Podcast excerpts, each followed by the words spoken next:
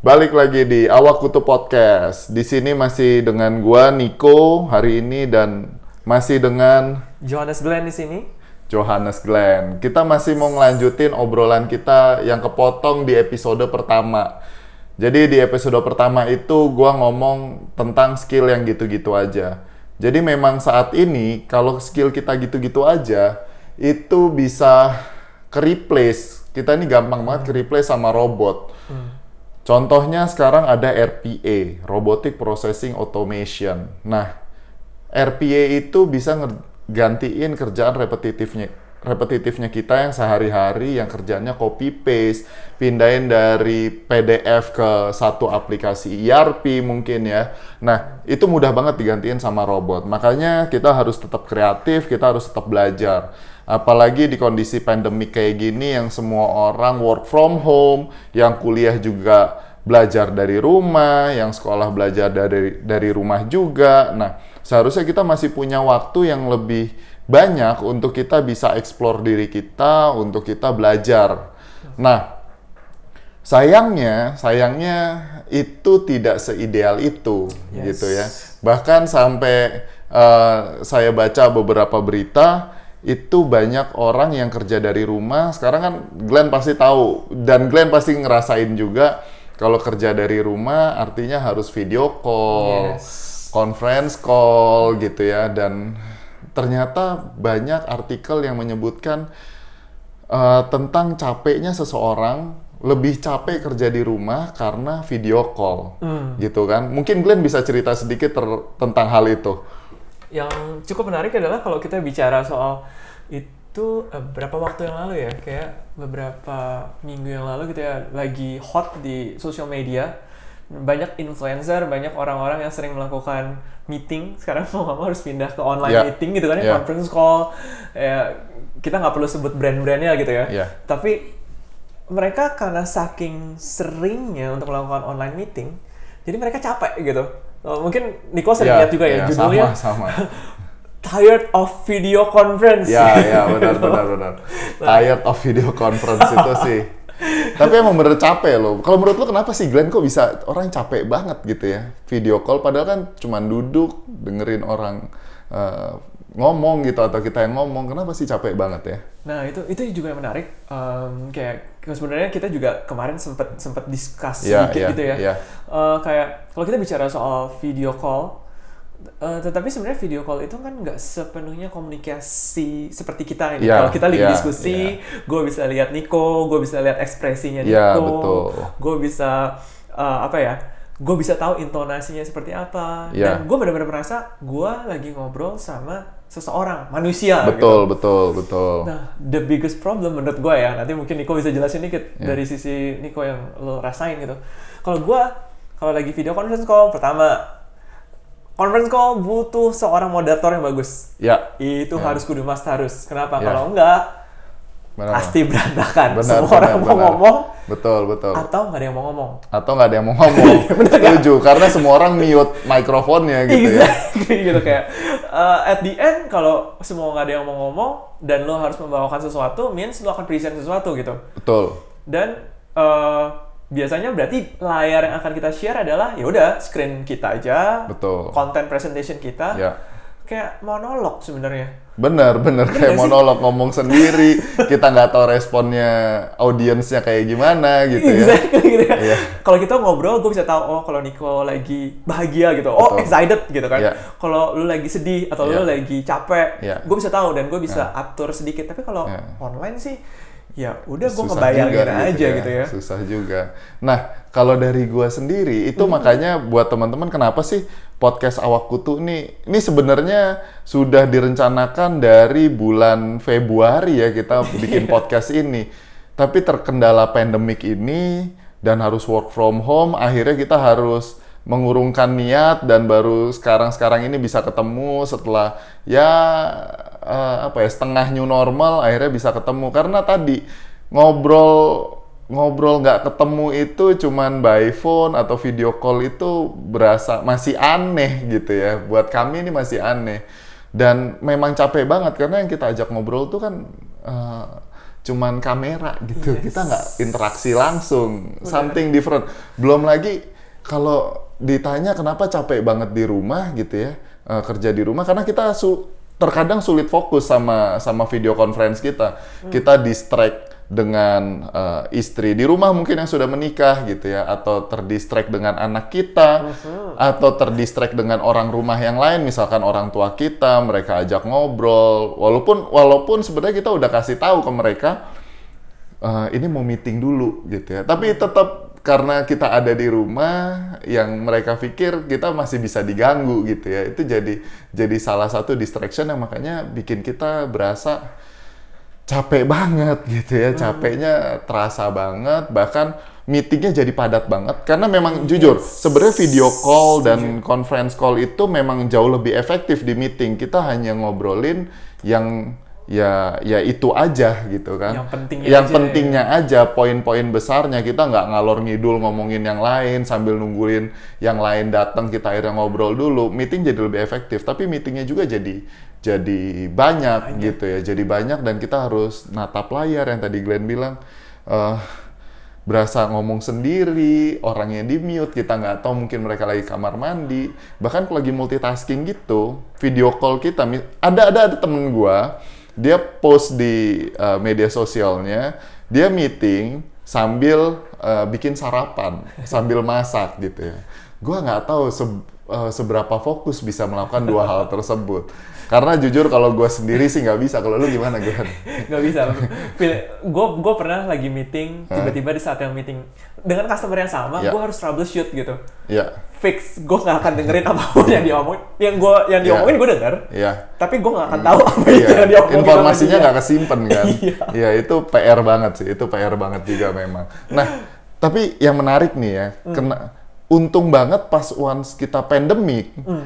Itu teknologi uh, conference call, uh, teknologi video call itu sudah jauh lebih mudah untuk diakses. Kebayang nggak kalau misalkan uh, 7-8 tahun yang lalu, oh 7-8 tahun yang lalu kalau kita mau punya aplikasi video conference Hmm. satu company mau punya aplikasi ya video conference tadi berapa besar yang mereka harus investasi mereka harus beli server benar nggak sih? Yes. mereka harus beli server mereka harus beli application buat conference call-nya ada installationnya dulu configuration-nya dulu yang mungkin bisa makan waktu sekitar dua minggu tiga minggu gitu ya. Belum harus install kliennya di setiap PC orang gitu karena kan memang nggak ada nggak ada di uh, Play Store nggak ada di Google nggak ada di Apple Store nggak ada di uh, internet gitu. Kliennya kliennya memang harus diinstal karena bentuknya CD bener nggak sih 8 tahun yang Yes. lalu belum lagi kita ngomongin soal internetnya iya belum ngomongin internet bandwidthnya nggak ada kalau dulu uh, untuk conference call di satu kantor di satu network yang sama mungkin suaranya masih oke gitu. Tapi once kita uh, di rumah conference call, video call, wah itu pasti berantakan banget. Nah, ini yang jadi menarik. Balik lagi kalau ke cerita di awal, uh, video call itu berarti kan sekarang semuanya sudah cloud based dong. yes Benar nggak sih? Iya. rata-rata udah gitu ya Iya, ya benar kan udah cloud based. Itu makanya uh, cloud itu jadi jadi jadi sangat uh, apa ya ngebantu banget di kondisi kayak gini. Benar nggak? Boleh cerita sedikit Glenn? setuju banget sih kalau kalau kita lihat ya f- kalau kita bicara soal video conference eh, fokusnya ke situ gitu Ya. ya Se- semua aplikasinya mereka sekarang udah online base kenapa kalau lu nggak online base means lu harus beli server lu harus beli yang tadi lu bilang Ya. costnya gede Ya. belum tentu lagi apakah kepake bisa jadi nggak kepake bisa jadi gitu kan Iya iya benar benar juga, benar benar gitu benar. kan. Investasi di awalnya besar gitu kan Yes. investmentnya. Benar kan? Art- Artinya dengan sekarang model subscription mungkin kita langganan untuk 10 orang, 20 orang, 100 orang, besok turun lagi jadi 50 orang itu mungkin banget ya di cloud ya. bisa banget bisa berubah-berubah terus juga kalau kita pikirin setelah di- deploymentnya gitu ya Iya. ya udah misalkan Glenn sama Nico WFH ya udah Glenn Nico lu install ya di rumah ya Iya, gitu kan iya, install sendiri gitu iya. kan Kita tinggal kasih link web apa link eh, websitenya aja untuk download kliennya. Kemudian as an IT admin kita tinggal register, bayar gitu ya, bisa Hmm. pakai kartu kredit. Uh, mungkin untuk ke beberapa partner uh, SI juga kita bisa beli lewat mereka subscription base-nya kemudian kita login udah langsung selesai setup gitu kan Yes. berapa mungkin sejam dua jam udah selesai setup tinggal mungkin yang lama masukin nama-nama usernya aja paling ya sama educate usernya gimana cara pakainya benar nggak sih Setuju. Iya. Educate user mungkin butuh beberapa hari ya yang agak Iya. pelan, tapi habis itu ya semua udah terbiasa kayak aku kalau gue rasa sih orang-orang pakai yang sekarang terkenal gitu ya misalnya Iya, Zoom, iya. Microsoft Teams, Iya. Webex dan ya lain-lainnya. Google Google Google Meet. Google Meet Google Meet tuh malah lebih simpel lu nggak perlu download apa pun kan Exactly. Eh, lu tinggal masuk ke Gmail lu doang. Lu tinggal masuk ke Gmail lu doang di situ udah ada Google Iya. Google Meet gitu ya. Ada punyanya eh, Amazon Web Service juga namanya eh, Teams eh, ya, Times, Times, ya. ya. Itu tinggal tinggal eh, yang penting kalau kalau yang tipe kayak Times Hmm. yang si creator eh, roomnya Hmm. harus punya account sendiri. Oke. Tapi kita sebagai sebagai usernya, Hmm. ya udah tinggal Glenn meeting jam sekian ya, lu join ke URL gua aja ya, Iya. nggak perlu install apa apa, udah. Oke. it. Gila enak banget ya, Simple banget ya. simple banget. Artinya company once mereka mau eh, sekarang ini lagi zamannya digital transformation gitu ya. Hmm. Once company bicara soal digital transformation, ya sebenarnya mereka bisa mulai berubah dari cara kerja mereka juga dong. Betul sekali. gitu ya cara kerja mereka ya pandemic ini salah satu cara untuk digital transformationnya sebuah company juga sebenarnya kan Setuju. nah kalau misalkan kita bicara soal digital transformation sebenarnya menurut lu Glenn eh, untuk layanan cloud mereka bisa mulai dari mana sih? Kalau mereka mau pakai layanan cloud ini baru pertama kali ini. Yes, yes. karena banyak banget loh customer yang bingung eh gue mau start ngapain ya di cloud? gitu kan. Itu itu mereka masih bingung aplikasi apa yang harus gue taruh di cloud? Gue harus pakai mulai dari mana? Menurut lu gimana Glenn? Kalau menurut gua sebenarnya menarik kenapa kalau kita bicara soal tujuan dari cloud itu, kita biasanya harus ngomong lagi, oke berarti objektif perusahaannya apa dulu nih? Ya, Kenapa? Karena masing-masing perusahaan beda-beda. Mm-mm. Ada yang, oke saya nggak tahu gue mau bikin aplikasi apa di cloud, Ya. tapi gue tahu gue butuh DRC. Ya udah, Oke. kita bikin start dari DRC aja dulu. oke, Gitu kan? iya iya iya benar-benar. kalau lu bikin DRC di on premise, lu harus punya data centernya atau lu Ya. harus co-locations. Ya. Lu harus beli hardware-nya butuh berapa bulan Ya, dulu gitu ya, kan benar, Which benar, benar. Cost-nya gede. betul Iya banget, kan? Kalau kita benar. di uh, cloud, ya udah saya bikin DRC saat ini, ya. Bayar aja. Misalkan oke gue pakai gue tes dulu piloting sebulan dua bulan gitu ya. Ya. Setelah dua bulan saya nggak mau. Oke delete semua resource di DRC-nya cloud yang A Ya. pindah ke cloud yang B. Memungkinkan banget. Iya benar, Gitu. benar. Jadi- Setuju, setuju. Tapi ada beberapa customer yang eh, mereka akhir mereka udah pakai cloud, eh, local cloud. Ada ada satu dua customer mereka udah pakai local cloud, and then mereka tarik balik lagi. Mereka mau taruh di data centernya mereka lagi gitu, karena menurut mereka operation cost itu jadi salah satu jadi eh, pengaruh juga gitu. Bagi finance kayaknya lebih gampang taruh di investa investation cost gitu kan, taruh di sana kemudian eh, mereka eh, pindahin lagi gitu dibandingin mereka harus pakai eh, apa namanya eh, subscription base gitu kan bayar per bulan. Mereka akhirnya pindahin lagi, balikin lagi. Kalau menurut lu salah hitungnya di mana, Glenn? Atau salah persepsi kah? Atau apa menurut lo? Kalau kondisinya kayak begitu.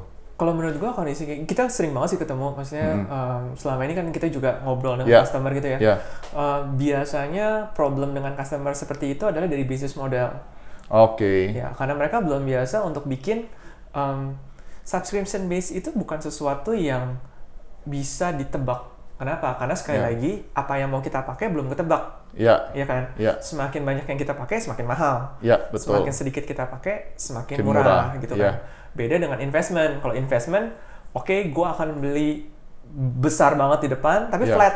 Betul. Gitu kan. Terus Kalau- tinggal tinggal hitung apa namanya eh, habis waktu pakainya aja kapan gitu kan pembukuannya bahasanya kan nilai bukunya nilai bukunya kapan habisnya. depresiasinya berapa Ya, tahun gitu kan berapa ada, tahun. ada hitungannya cuman problemnya adalah oke kalau lu mau pakai capex di depan Mm-mm.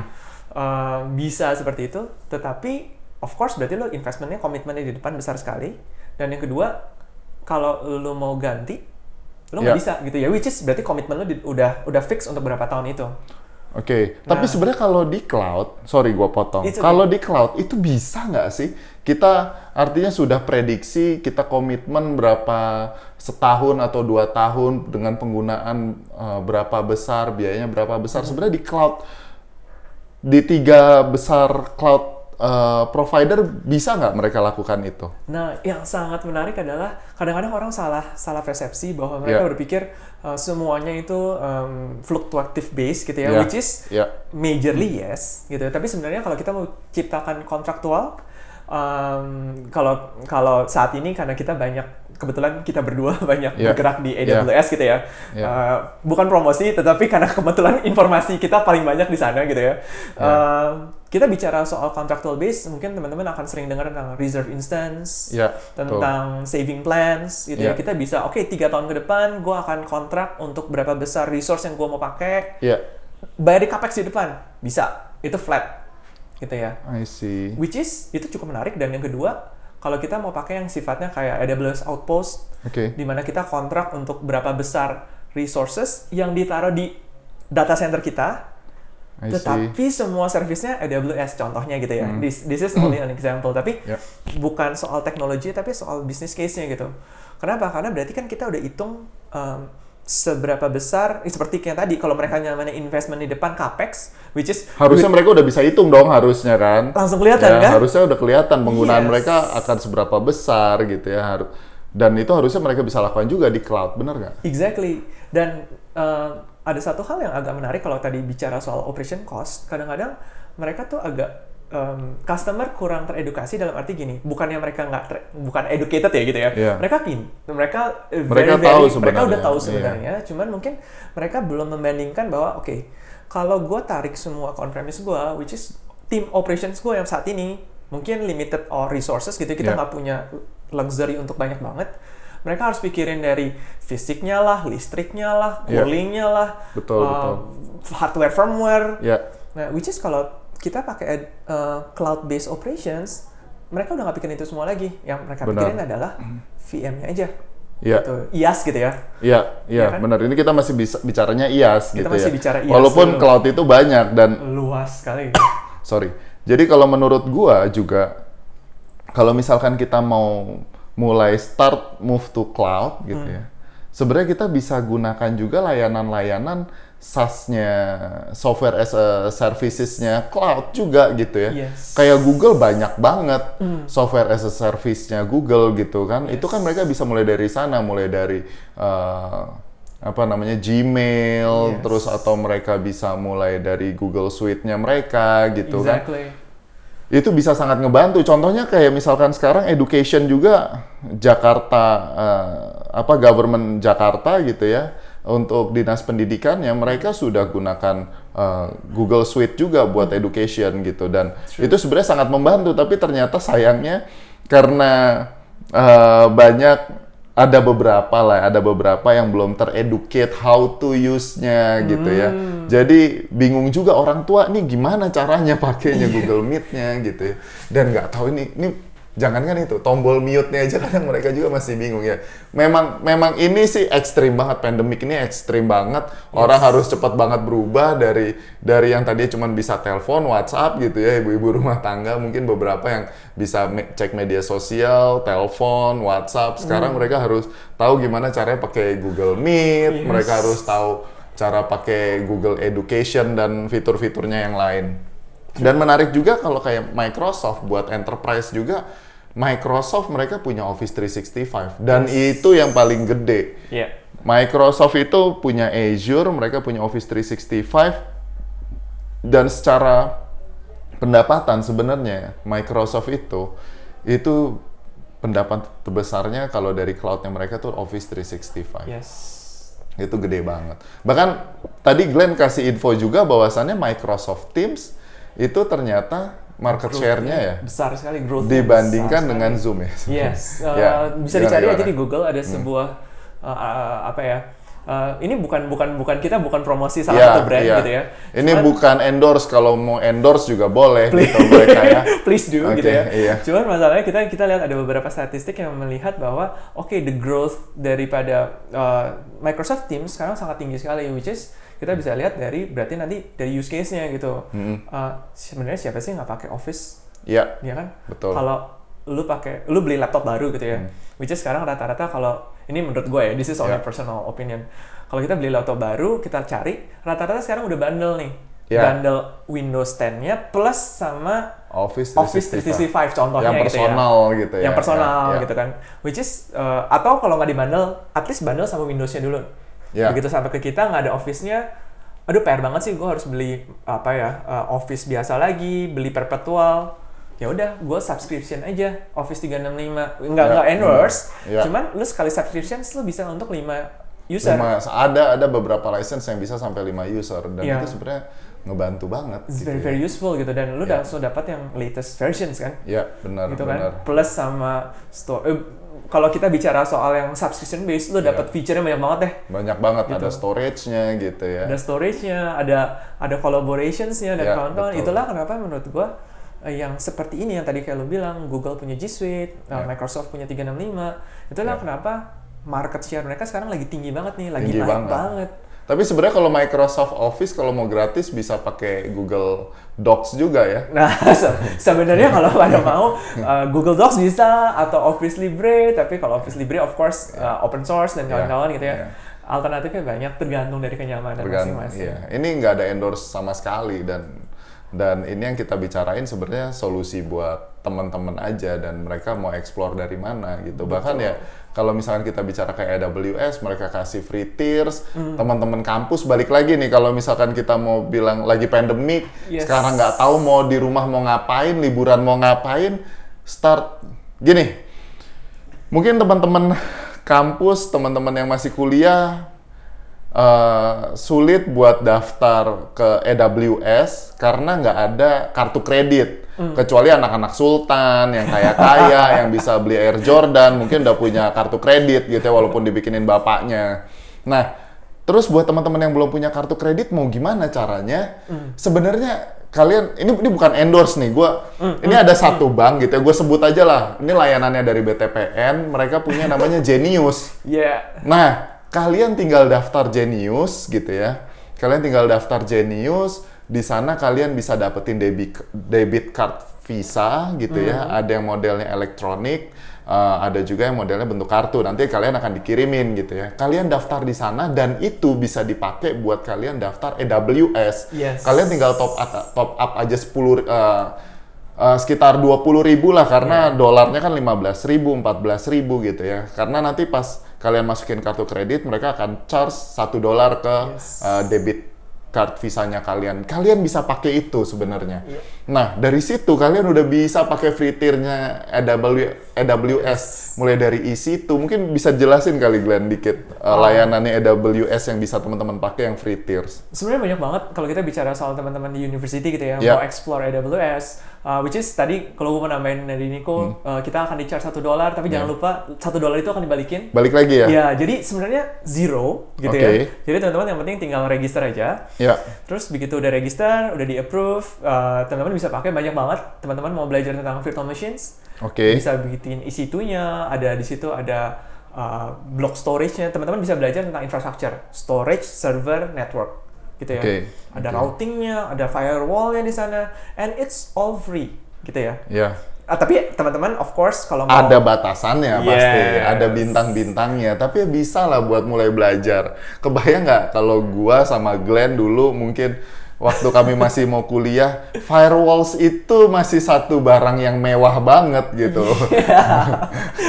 ya kan tembok tembok api itu buat kami, wah ini apa nih satu hal yang keren banget gitu ya nggak? Yes. Karena karena ya kami cuma bisa pakai mungkin Linux base gitu kan, open Eh, source. open source. Nah di sini kalian udah bisa pakai gratis dan kalian bisa langsung konfigur eh, untuk layanan cloudnya kalian gitu ya. Betul. Dan masih banyak lagi kalau teman-teman, uh, terutama mungkin yang lebih ke developer, Ya. ada banyak banget developer tools di sana yang bisa dicobain. Kalau teman-teman kenal CI/CD, teman-teman kenal Kubernetes. Itu kayak kita perlu bahas deh tuh Oh, yang itu kayak CICD. seru banget- seru banget tuh. Itu jadi gini, eh basically ada satu lowongan CTO gitu ya, ada lowongan kerja CTO Hmm. dicari.